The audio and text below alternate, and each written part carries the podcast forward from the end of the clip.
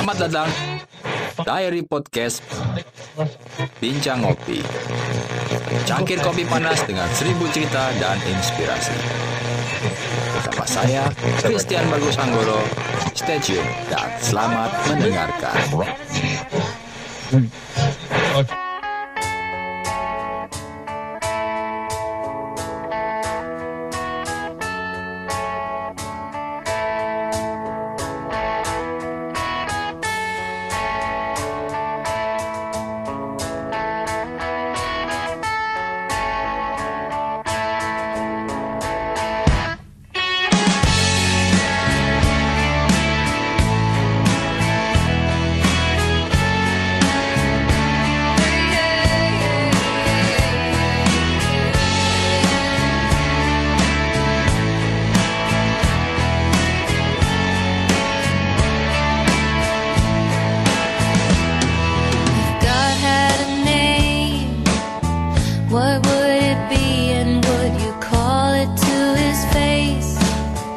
If you were faced with him in all his glory, what would you ask if you had just one question?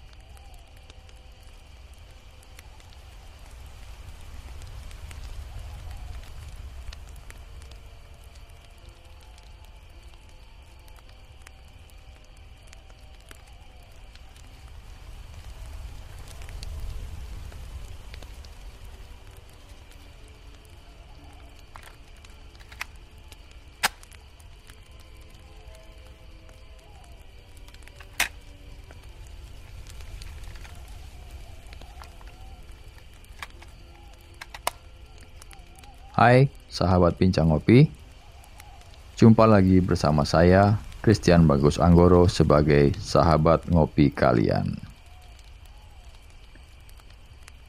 Saya dalam tema podcast kali ini ingin berbagi cerita kepada kawan-kawanku semua. Sebuah cerita yang sangat menginspirasi saya dan saya harap cerita ini dapat menjadi inspirasi buat kita semua tentang arti kehidupan. Hari ini aku mendapatkan pelajaran tentang semangat hidup dari seseorang. Bagi kebanyakan orang melihat dia adalah sosok sempurna dengan tubuh tanpa kekurangan, mata, kuping, hidung, mulut, tangan, dan juga kaki. Tapi setelah bertegur sapa, baru kita tahu ada sesuatu yang menjadi penghalang buat dia. Aku dan mereka. Bagi sebagian orang, menganggap dia adalah beban, terutama kedua orang tua serta saudara-saudaranya. Akan tetapi, tidak juga Tuhan, bahwa setiap kekurangan adalah senjata kelebihan yang sudah diberikan kepadanya. Tumbuh dengan pandangan tidak sempurna, kuping tidak mendengar, mulut yang tidak mengeluarkan suara. Terlahir prematur, jantung yang katupnya bocor, paru-paru yang flek, bobot yang kecil, sehingga dokter pun memvonis dia tidak akan bertahan hidup lebih lama. Tapi semua dugaan itu melesat hingga saat ini. Dia tumbuh menjadi pribadi yang sangat sempurna di mata Tuhan. Pada saat dia tumbuh menjadi pria dewasa, yang pada saat ini berumur 35 tahun dan bekerja selayaknya aku dan orang normal lainnya. Yang membuatku bangga padanya ketika ketidaksempurnaan memfonisnya, dia mampu menunjukkan bahwa dia berhak untuk berjuang bersama. Dia mampu berkarya dan lepas dari kedua orang tuanya serta merantau untuk menentukan garis hidup yang sudah dituliskan Tuhan kepadanya. Dengan menjadi manusia yang seutuhnya merdeka untuk bisa memilih, dia memilih satu bentuk tanggung jawab yang dapat dia bisa berikan sesuatu untuk hidupnya perjuangkan. Bagi kedua orang tuanya, dia mungkin beban yang harus ditanggung seumur hidup. Tapi dia berkata lain. Berikan aku kesempatan untuk membuktikan bahwa aku layak hidup seperti mereka, Ma dan Pa. Sama seperti manusia normal lainnya.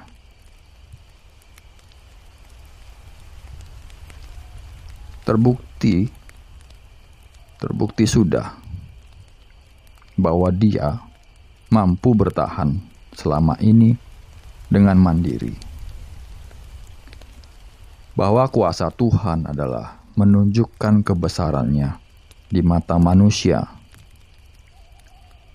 Terlahir di Solo 35 tahun lalu, sekolah normal dan dimusuhi. Diperolok oleh teman-temannya yang dikatakan dari kalangan manusia normal. Lalu memutuskan untuk berhenti sekolah pada saat duduk di bangku kelas 5 sekolah dasar. Dan orang tuanya pun tidak melanjutkannya kembali untuk belajar di sekolah anak luar biasa. Sampai saat ini, dia sudah menginjakan kakinya di Bali selama lebih dari lima tahun dan bekerja di salah satu tempat desain di Pulau Bali ini. Entah dari mana bakat itu dia dapat, Tuhan memberikannya tangan yang sangat istimewa. Dia dapat melukis. Gambarannya pun sangat menarik, menceritakan tentang masa kecil yang bahagia, masa kecil yang sudah lama hilang. Saat aku menuliskan di sebuah kertas, aku berikan kepadanya yang bertuliskan, Gambar kamu keren. Thanks God. Lalu dia pun tersenyum. Dan aku melanjutkan tulisan yang aku tulis untuk dia. Maukah kamu buatkan aku sebuah karya, gambar, lukis, tentang lautan, dan aku akan membarternya untuk kamu. Lalu dia menulis kembali. Tukar dengan apa? Aku kembali menulis untuk dia. Aku akan barter dengan salah satu alat pendengaran. Lalu dia menoleh aku dan menulis, "Serius?" Aku tertawa dan menulis, "Sangat serius." Dia tersenyum balik. Lalu di balik kacamatanya yang tebal, yang sudah terlihat usang, matanya sedikit berkaca-kaca. Aku pun juga sama. Dan kita pun deal membuat perjanjian tertulis, serta saling tulis. Mungkin satu jaman aku melakukan obrolan dengan tulis-menulis. Balas saling membalas seperti sedang membuat skrip naskah. Apa pun itu bentuknya, aku sangat bangga dan senang sekali. Masih ada seseorang yang kekurangan dalam rasa, tetapi tetap mampu berkarya serta bertahan hidup dengan cara mandiri. Seharusnya aku malu jika aku mengeluh tentang hidupku yang sempurna ini. Aku masih belum menjadi apa yang dapat dikatakan sempurna dalam wujud kehidupanku sendiri. Cerita tentang hidupnya dia ceritakan di kertas, yang di mana aku menuliskan untuk dia, dan tulisan itu berbunyi. Ceritakan hidupmu. Ceritakan bagaimana semangatmu itu berasal. Ceritakan kepadaku bagaimana asal mula keberanianmu itu lahir untuk melangkah lebih jauh. Karena aku ingin belajar dari kamu. Dimulailah dari pertemanan ini. Yang dimulai dari kerjasama untuk saling percaya bahwa aku dan kamu punya keinginan dan impian yang sama dan bersama kita mampu menembus ketidakpastian hidup ini. Dan pribadimu adalah ajaib. Akhir kata, aku pun tersenyum melihat karyamu sambil berkata, "Terima kasih Tuhan, Tuhan pun berkarya."